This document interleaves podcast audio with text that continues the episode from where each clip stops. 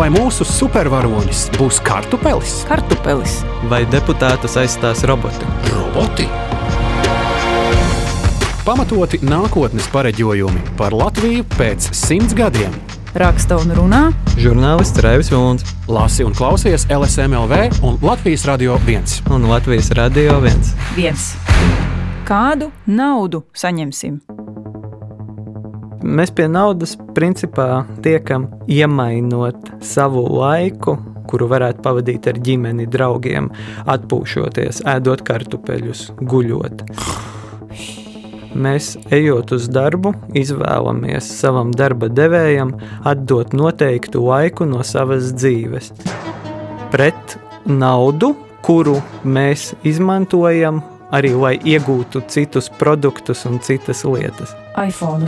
ja minimālās algas pelnītājs gribētu iegādāties jaunāko iPhone modeli, pieņemot, ka viņam nav nekādu citu izdevumu, savam darba devējam ir jāatdod 500 stundas no savas dzīves. Naudu. Tas stāsts ir par to, ka daudzi pētnieki, futurologi, cilvēki, kuri domā par nākotni, bažījies, ka mums būs grūtāk tikt pie naudas nākotnē Roboti.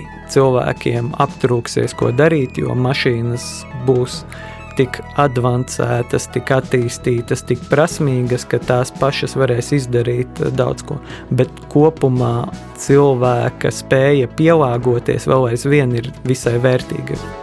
Ir piemērs ar viesnīcu, kas ļoti labi ilustrē Nākotni. īsti nav praktiski izveidot uh, robotus uh, vai mehanizētas iekārtas, kuras uzkops viesnīcu numuriņus. Viesnīca gluži vienkārši tam nav būvētas. Tur ir kāpnes, pakāpieni, ir dažādi stūri, līkumi. Robots. Robots vienkārši nebūtu pat ekonomiski izdevīgs. Tad visticamāk tas nebūtu robots, kas nāktu uz mūsu numuriņa un uzkoptu, bet drīzāk viss viesnīcas numuriņš būtu kaut kādā veidā robotizēts un automatizēts, un, piemēram, gulta pati sevi nomainītu, apgriezt uz otru pusi vai kaut kāds cits mehānisms notiktu. Robots. Lielāks eh, draudz nodarbinātības jautājumiem patiesībā varētu būt tas, ka paliek arvien vairāk cilvēku.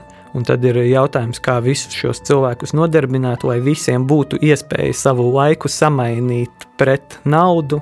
Gluži vienkārši cilvēki piespiedu formās strādās mazāk, piemēram, pusi nedēļas, un otru pusi nedēļas nāks kāds cits to darīt. Otrs risinājums ir universālais ienākums, garantētais pamatienākums, principā kaut kāda sociālā pabalsta forma, kas nozīmē, ka visi šīs valsts iedzīvotāji vai visi pilsoņi, vai kā nu tiek definēta šī grupa, saņem noteiktu naudu no savas valsts. Naudu. Vismaz šobrīd Latvijā ir pretējās problēmas. Trūkst darbinieku.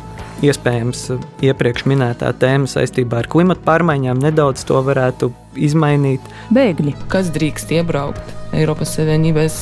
Pilsoņi drīkst iebraukt bez ierobežojumiem, bet pilsoņi no citām valstīm nedrīkst iebraukt bez ierobežojumiem. Nu, Kas, kas, kas, kas?